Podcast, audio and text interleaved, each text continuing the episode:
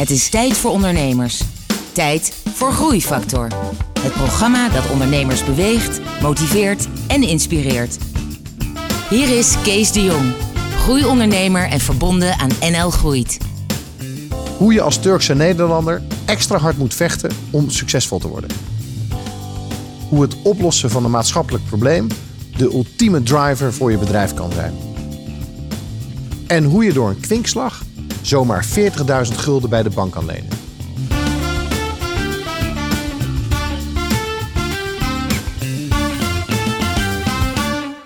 Hallo en welkom bij Groeifactor, het programma dat ondernemers beweegt, motiveert en inspireert. Met een openhartig gesprek met een inspirerende ondernemer. En vandaag is dat Melik Oesta. Melik, welkom.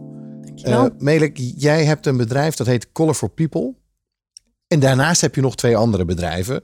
Uh, je hebt peer-to-peer. Ja. En dan nog een stichting eigenlijk, uh, Learn Together. Ja, klopt. en daarnaast doe je nog heel veel andere dingen. je bent bestuurslid bij één land, één samenleving. Ja, klopt. Volksbank, zag ik nog iets? Of is dat Ja, eigenlijk daar zit ik in de raad van advies. Oh ja, dus je bent echt je bent een drukke onderneemster, als ik het zo mag, mag zeggen. Maar uh, laten we beginnen met Color for People. Mhm. Mm -hmm. dat, dat je even kort omschrijft wat je daarmee doet. Ja, Color for People is een search- en adviesbureau dat zich gespecialiseerd heeft in uh, eigenlijk diversiteitsvraagstukken. En wat verstaan we daaronder? Dat gaat dan eigenlijk over hoe organisaties kunnen zorgen dat ze een divers uh, samengesteld personeelsbestand krijgen. Ja. En daar dus... helpen we dus, daar recruteren we mensen op. Uh, en we ge geven ook ondersteuning en advies aan organisaties die willen nadenken over hoe ze diversiteitsbeleid vorm kunnen geven. En dat zijn dan voornamelijk voor hogere functies, begreep ik. Ja, HBO-WO-functies. Je hoort het niet, maar jij bent van Turkse afkomst. Nou, je naam gaf het al een beetje weg. Ja. je bent van Turkse afkomst, dat heeft daar natuurlijk mee te maken. Dat klopt. Maar het heeft ook te maken met mijn uh, uh, ervaring voordat ik met Colorful People begon. Ik heb namelijk jarenlang voor een grote uitzendorganisatie uh, gewerkt als manager. En wat mij toen opviel was dat we heel veel ehm, kandidaten, bijvoorbeeld met een, een migratieachtergrond, ehm, bij ons binnenkregen die hoger opgeleid waren. En we waren gewoon niet in staat om die mensen op hun niveau aan een baan te helpen.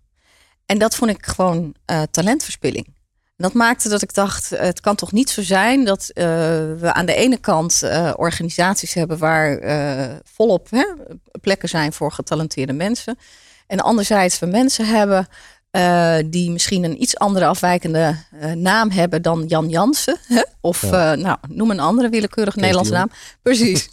um, en die gewoon niet aan de bak komen op hun niveau. En ja. dat vond ik zo stuitend dat ik dacht, daar wil ik iets mee. Ja. Dus en dat zie je vaker bij ondernemers die dan een soort onrecht zien en dat gewoon willen, willen verbeteren. Dat was het moment dat jij besloot ondernemer te worden. Ja, en ik dacht, god, wie kan het beter vertellen dan ik? Want ik ben uh, en vrouw en allochtoon, maar dat woord mogen we niet meer gebruiken. Dus we moeten het tegenwoordig Niet westerse hebben. Nederlander? Ja, precies. En, uh, uh, en ik dacht, ik snap hoe vraag en aanbod, hè, die, die arbeidsmarkt werkt. Daar ja. heb ik voldoende ervaring nu in. Ehm, en ik ga dat verhaal vertellen. Ik ga ja. ver werkgevers vertellen, enthousiasmeren, overtuigen van het feit dat het heel slim is als ze wat breder kijken ja. dan alleen de klonen van zichzelf. Ja. En, en, daarnaast kwam, jij kwam uit een ondernemersnest. Ja, um, dat is zo, zo inderdaad. Al weliswaar um, uh, in een heel ander segment. Mijn vader is uh, uh, ondernemer geweest. Mm -hmm. Of ja, hij is nu gepensioneerd. Hij heeft in de horeca gezeten. Ja. Hij heeft zijn eigen horecabedrijven gehad. Hij heeft restaurants gehad, cafés gehad, de klassieke typische Turkse theehuizen gehad. Uh, het, het, was een ondernemer die het succes aan zijn kont had hangen. In de zin dat hij commercieel veel ja, winst wist te maken. Maar het was ook een man met een gat in zijn hand. Ja. Dus het geld ging er ook weer net zo snel uit als dat het binnenkwam. Zeg maar. maar heeft dat bij jou een zaadje geplant van ooit wil ik zelf dus een bedrijf leiden? Wil ik zelf mijn eigen droom kunnen waarmaken? Nee, nee, nee, nee. Ik moet eerlijk bekennen, dat speelde niet. Wat ik wel bemerkte was in die tijd dat ik uh, voor Start Uitzendbureau werkte, was ik eigenlijk ondernemer binnen een grote onderneming. Ja. En toen kreeg ik wel de smaak te pakken van, hé, hey, maar wacht even. Want in die tijd dat ik daar werkte, kregen we ook ontzettend veel vrijheid en ruimte om met de gekste ideeën te komen. Jaren 90, midden jaren 90? Ja, ik heb daar gewerkt van uh, 1995 tot 2000 een beetje. En uh, En dat was gewoon een geweldige tijd waarin ik eh, mijn eigen ondernemingsplan moest schrijven, marketingplan, uh, salesplan aan moest geven hoeveel uh, intercedenten ik nodig dacht te hebben om mijn plannen te, waar te maken. Dus ik opereerde al een beetje als een ondernemer. En, dat, en ik bleek dat ik dat goed kon.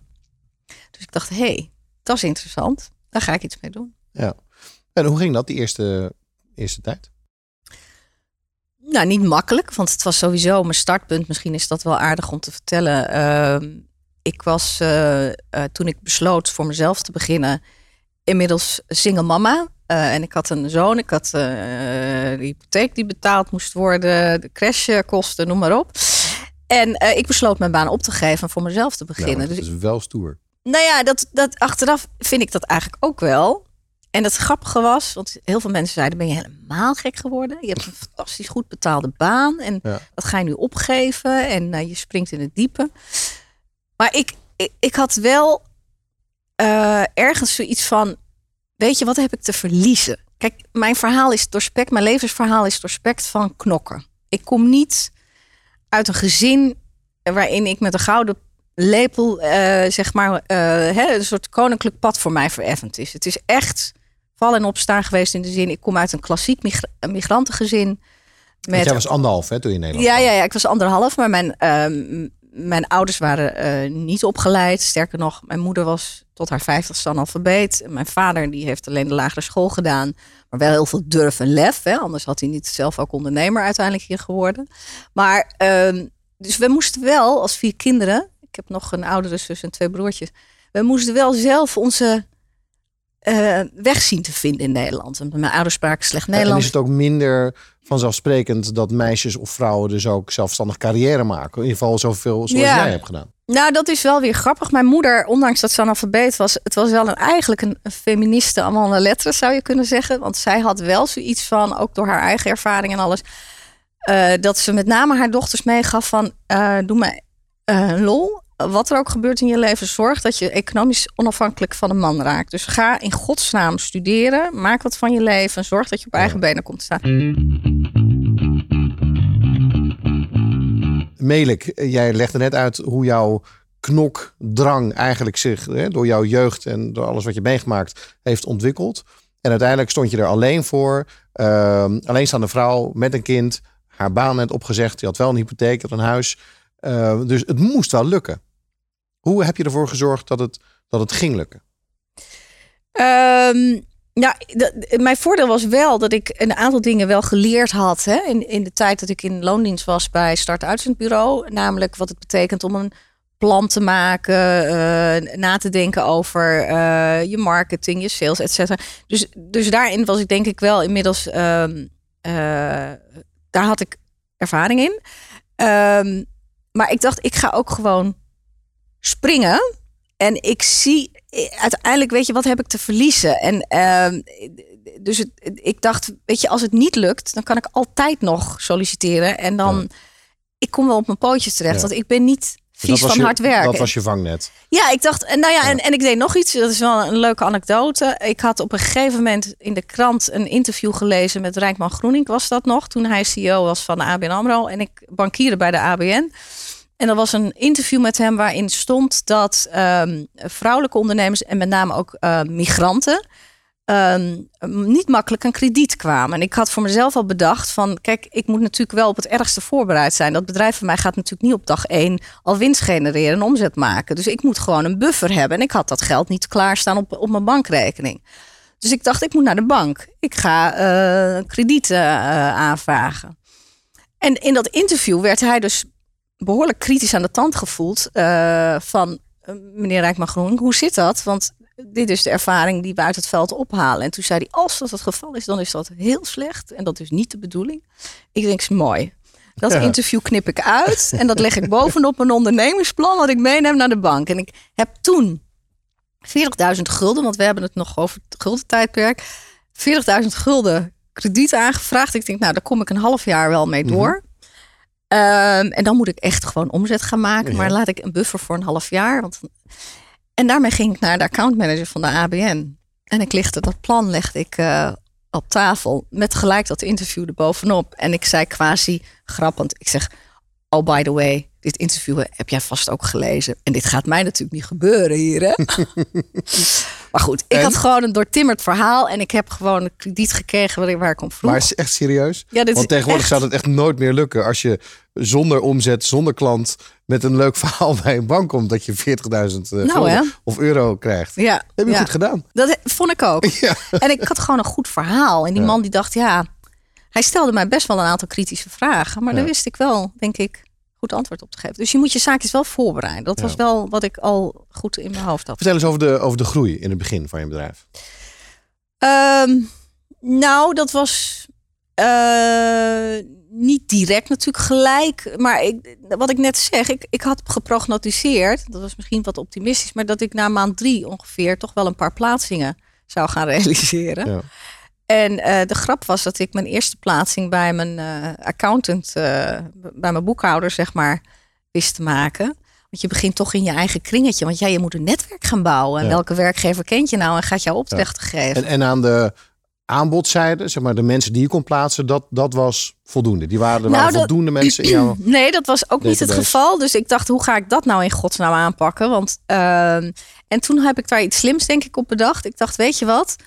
Ik ga eh, een aantal mensen zodanig interviewen dat ik hele scherpe profielen van ze krijg. Dat zijn dan mensen die een, toe zijn aan een volgende stap. Of ja, dat waren mensen die toe waren aan de volgende stap. Zeven mensen om precies te zijn. Die ik toen met een uitgebreid profiel, je zou bijna kunnen zeggen, als een soort assessment rapport heb gemaakt met hen ook goed in kaart heb gebracht van bij welke organisatie zou jij nou goed kunnen passen en welke functiegroepen. en ik ben heel gericht met die profielen werkgevers gaan benaderen. Dus ik heb het proces omgedraaid. En ik, ja, en ik heb wel een mate van brutaliteit. Ik, ik weet over het algemeen wel eh, nou, in contact te komen, zeg maar. Dan moet je ook af en toe wat slimmigheid in bedenken wat je dan doet. Maar, en zo ben ik eigenlijk begonnen. En langzamerhand begon dat database eh, aan te vullen. Toen hadden we nog geen LinkedIn. En toen hadden we natuurlijk nog niet. Dus het moest inderdaad op een andere manier. Hè, wanneer begon het nou echt te lopen? Dat je dacht van wow, dit gaat beter dan ik had gedacht. Volgens mij was dat in 2003 eh, dat ik ook een, eh, mijn eerste medewerker aangesteld heb. Misschien zelfs een jaar eerder, dat weet ik niet meer helemaal precies. Maar in ieder geval, toen begonnen we echt ook eh, behoorlijk wat mensen weg te zetten en te plaatsen. En inmiddels had ik echt een interessant netwerk en een database, zodat ik ook meer vraaggericht, hè, dus de, de, de, de, vacatures kon aannemen.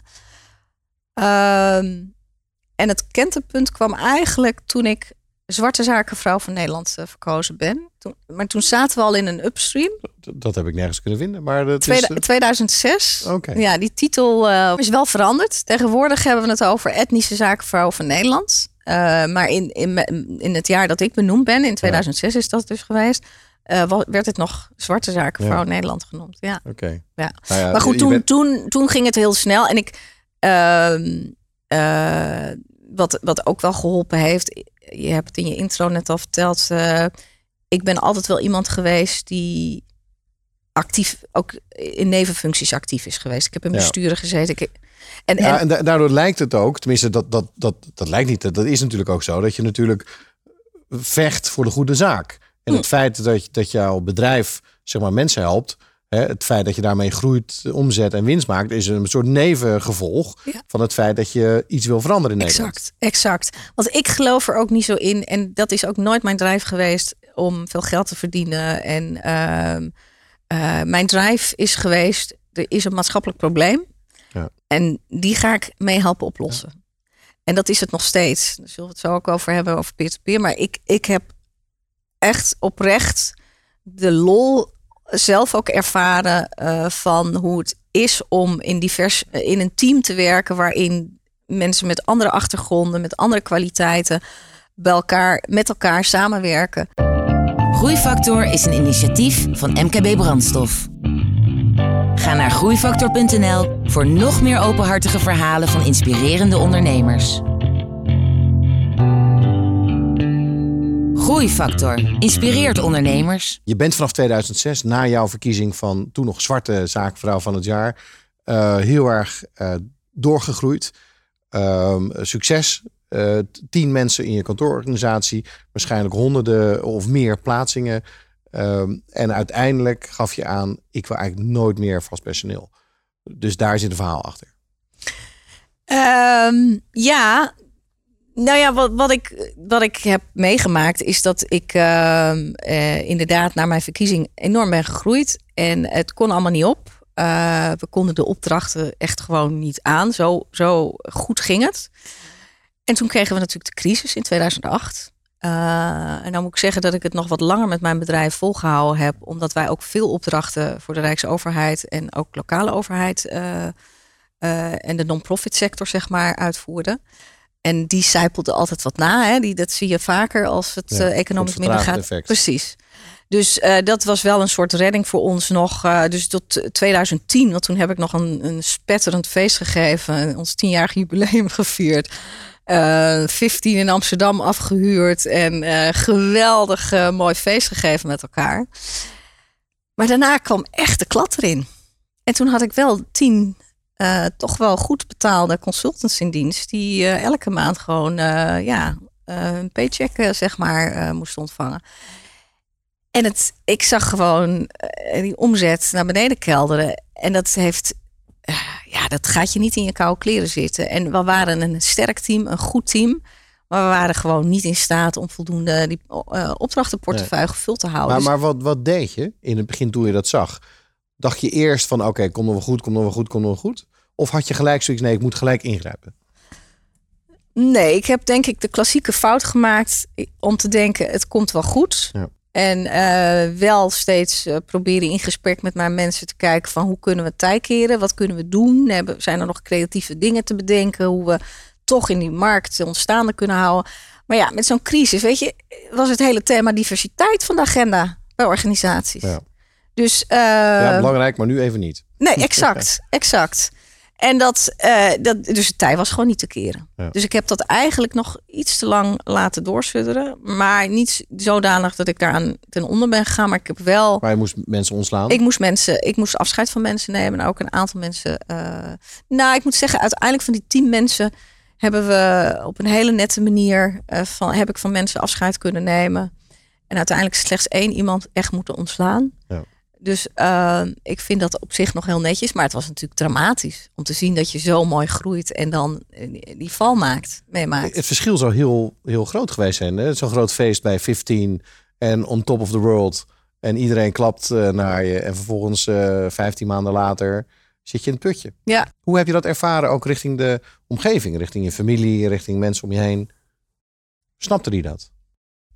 nou ja, eh, kijk, die snapte in die zin dat het gewoon economisch minder ging. Hè? Dus die, die, maar het was natuurlijk, ja, weet je, ik reed een mooie auto en ik had eh, een heel aantal dingen, dacht ik nooit over na. Weet je, het kon nooit op. En ik bedoel, uh, ik werkte heel hard. Ik maakte lange dagen. Dus het was heel makkelijk om te zeggen tegen uh, vriend lief en mijn zoon: van kom, we gaan lekker uit eten in plaats van thuis kokerellen. En dat was, ja, daarna was dat natuurlijk allemaal even anders. En uh, moest ik uh, in een echt wel op mijn tellen letten qua financiën. Dus dat, dat was echt wel een hard gelach. Maar ik moet ook eerlijk zeggen, en dat is allemaal wijsheid achteraf, dat in die laatste fase, waarin we eigenlijk nog steeds in een soort jubel enorme omzetten maakten en het goed ging, ik van binnen eigenlijk al iets begon te knagen aan me. En dat had vooral te maken met het feit, kijk, als je tien mensen in dienst hebt, dan ben je net te groot voor het servet en te klein voor tafellaken. Dus ik, had, ik kon me niet permitteren om een soort tussenlaag management of zo erop ja. te zetten. Dus ik stuurde mensen zelf aan, dus ja. het coachen. Het, dus ik was heel veel tijd ook aan interne uh, zaken. Ja, wat ze wel zeggen, bij, bij 8 à 10 begint de organisatie te veranderen en dan moet je ja. andere systemen, processen, exact. management creëren. Exact, en, exact. En dus daar was ik eigenlijk op. Exact. En dan was ik eigenlijk, dus ik, ik deed dat allemaal zelf en ik merkte dat dat me minder energie gaf. Uh, ja, ja, want jij was gedreven door jouw exact, droom. Exact. En nu was ik in ene met management dingen bezig waar ik ja. helemaal niet mee bezig wilde zijn. En dat maakte dat ik ook wel nou ja, een blessing in disguise, dat uiteindelijk toen het zover kwam uh, en ik gelukkig dus geen faillissement heb laten hoeven uitspreken, dacht van weet je, uh, misschien moet ik lean en mean opereren. Want ja. Call of People gaat me nog steeds aan het hart, daar wil ik me verder. Maar misschien moet ik niet meer dat enorme risico nemen van mensen op de playlist zelf hebben in loondienst. Maar moet ik gewoon een netwerkorganisatie Ja. worden. En dat past ook bij deze tijd. Heel Ja. prima. En, en nu heb je allemaal netwerkers in dienst. Ja. Niet in dienst, maar die, Nou ja, waar ik mee eh, inderdaad die werken mee samen op een soort ZZP-interim Ja, basis. die huur eh, ik in en die, eh, daar doe ik eh, ge- eh, ge- afgeronde gerichte opdrachten mee. Dan weet ik ook van hé, hey, dat is een klus. Ja. En, eh, en dat zijn vaak stevige opdrachten ook, eh, stevige posities. Eh, nou, dan ben je gemiddeld toch wel zo'n eh, twee, soms wel drie maanden mee zoet. Eh, nou, dan hebben een aantal van die mensen waar ik dat samen mee doe, een aantal van die opdrachten voor mij. Eh, en dat werkt perfect. Hey, even nog terug naar eh, die fantastische bankrelatie eh, die jij had. Om, hè, die zomaar even 40.000 eh, gulden overmaakte destijds. Hoe ging dat in de tijd dat het de paying zo slecht ging? Hebben ze je gesteund? Hebben ze je laten vallen? Hoe is dat gegaan? Ja, ik ben tussentijds uiteindelijk wel van bank veranderd. Ehm, maar ehm, ja, in die zin ben ik dan wel weer een typische vrouwelijke ondernemer misschien. Ik weet niet of ik dat zo mag zeggen of dat ik nu heel veel vrouwelijke ondernemers eh, voor het hoofd stoot. Maar ik heb eigenlijk altijd wel zoiets gehad van... ehm, als ik geld ga uitgeven, moet dat zelf ook eerst verdiend zijn. Dus ik wilde ook niet leunen op een bank. En ik heb de bank in die zin later ook niet meer nodig gehad. Oké, Nee. oké. Dat Dus is ik- heel verstandig. En ik herken het, mijn vrouw is ook ondernemer. Ja, En dat Ja. zit toch iets anders in elkaar dan Dat mannelijke zit- ja, ondernemers, moet ik eerlijk zeggen. Ja. Ja. Eh, ik heb overigens meer vertrouwen in vrouwelijke ondernemers, daarom ook hoor. Dus, eh, maar dat Kijk, is eh, dat is fijn om te misschien horen. wat minder relevant. Ehm nadat je hebt besloten, ik wil Color for People doen, maar als netwerkorganisatie. Daarnaast heb je nog twee andere organisaties opgericht. In ieder geval ehm, eh, peer-to-peer. Ja. En eh, Learn Together. Stichting Learn Together, ja, precies.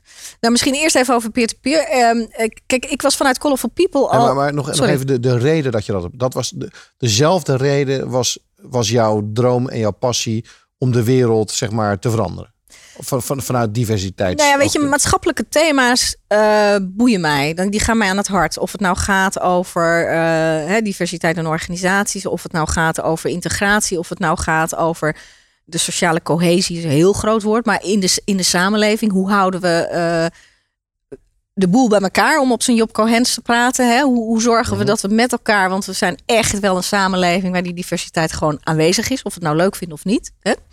Ehm, maar dat gaat niet vanzelf samen met elkaar op. Dus ik, maatschappelijke thema's boeien mij, gaan me aan het hart. Nogmaals, omdat ik zelf misschien ook heel lang eh, eh, in de sociale onderklasse hè, eh, gezeten heb, qua gezin waar ik uit voortkom. Ehm, vind ik het dus ontzettend belangrijk om nou, ook mee te denken over oplossingen. Hoe we kunnen zorgen dat we Nederland zo mooi houden als dat hij eigenlijk ook is gewoon. En dat maakte dat ik ehm, eh, nou ja, maatschappelijk altijd ook actief ben geweest naast Colorful People. Dus ik had allerlei nevenfuncties. Ik ben bijvoorbeeld ook eh, bestuurslid geweest en een tijdje onbezoldigd directeur van TANET, dus een Turks academisch netwerk. Eh, ik heb in allerlei andere besturen gezeten, raden van toezicht.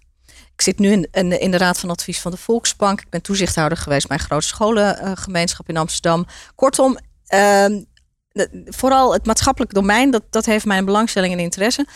En, ehm, en vanuit Colorful People was ik bijvoorbeeld ook wel onderwijsinstellingen eh, had ik als klant. En onderwijs is voor mij wel een soort scharnierpunt in de samenleving als het gaat om hoe je mensen vooruit kunt helpen. Dus ook eh, die opwaartse sociale eh, hè, mobiliteit, opwaartse Ja. mobiliteit mij kunt helpen, gaat echt over volgens mij ook het onderwijs. Hoe kunnen we jongens en meiden die misschien dus uit gezinnen komen zoals waar ik uitkwam, op weg helpen om hun plek in Nederland goed te Dus vinden. eigenlijk Dus nog dat- de, de fase voordat jij ze wilde plaatsen op de arbeidsmarkt. Eigenlijk Exact. zo goed mogelijk. Exact, want ik heb echt altijd wel geweten van, weet je, je hebt wel, als je iets wil maatschappelijk succesvol wil worden in Nederland eh, en, en eh, mee, wil, mee wil draaien, dan is het toch wel handig als je in ieder geval een afgeronde opleiding hebt en als je je ontwikkelingen hè, als mens eh, op een goede manier eh ter hand gepakt hebt. En, en daarom is het belangrijk dat we in dat onderwijs slimme dingen doen. Nou, lang vaak kort. Ehm, een jaar of vier geleden kwam ik in contact met een onderwijskundige die een hele mooie methode uit Amerika naar Nederland heeft gehaald. En dat eh, kort gezegd komt dat neer op peercoaching. En dat betekent dat leerlingen of studenten elkaar ondersteunen en begeleiden. En ik had toen al speelde ik met de gedachte van ik zou zo graag iets in dat onderwijs willen doen. Naast School of People alleen hè, de Ja. personeelsvraagstukken oplossen, zou ik iets meer willen betekenen. En toen kwam hij op mijn pad en hij eh, wa- was inmiddels gepensioneerd en die methode had hij op een heel aantal scholen eh, succesvol eh, toegepast. Maar hij was op zoek naar iemand die het van hem over wilde nemen. Zo is het verhaal eigenlijk begonnen en ik ben me daarin gaan verdiepen en ik dacht, wauw, wat is dit interessant. Want waar het kort gezegd op neerkomt, is dat je feitelijk.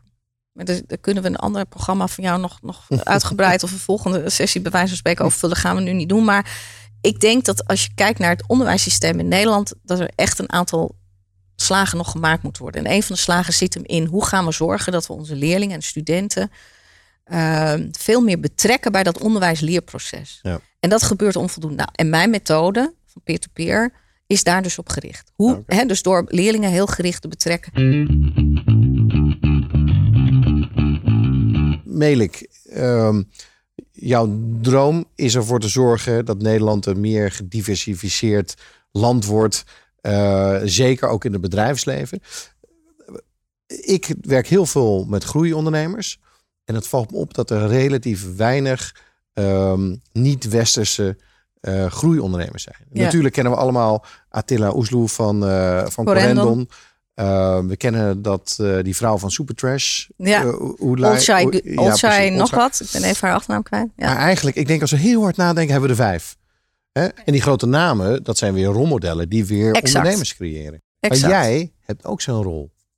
Dus zou jij niet... Jij bent natuurlijk zwarte zakenvrouw van het jaar of eh, niet etnische Nederlander. Etnische zakenvrouw van het jaar geweest. Ja, ja, ja, ja. ja. Dus ehm, zou jij zelf niet ook veel meer nog een rol moeten gaan eh, invullen om andere ehm, etnische eh, meisjes te Nou, overtuigen dat ze zelf hun bedrijf kunnen Ja. bouwen? Nou ja, kijk, ik sta me er niet per se op voor, maar ik word best wel vaak gevraagd om ook bijvoorbeeld voor eh, etnische studentenverenigingen een verhaal te komen houden. En, en er zijn er ook een heel aantal die spontaan mij bellen of mailen met allerlei vragen. En die, en die ik ook wel links en rechts coach. Eh, dus ik, ik, ik probeer ze ook aan te moedigen. Ik Ja. probeer ook niet alleen de starters, maar ook vrouwen die wat verder in hun carrière zijn, ook het, ehm, bewust te maken van het feit dat ze niet heel monomaan alleen maar met hun functie bezig moeten zijn, maar bijvoorbeeld ook die bredere visie moet of Ja. bredere kijk moeten hebben door bijvoorbeeld ook nevenfuncties hè, eh, Ja, te gaan vervullen. Zoals jij ook doet. Nou ja, ik heb daar heel veel aan gehad. Nou, misschien is dat wel goed om toch even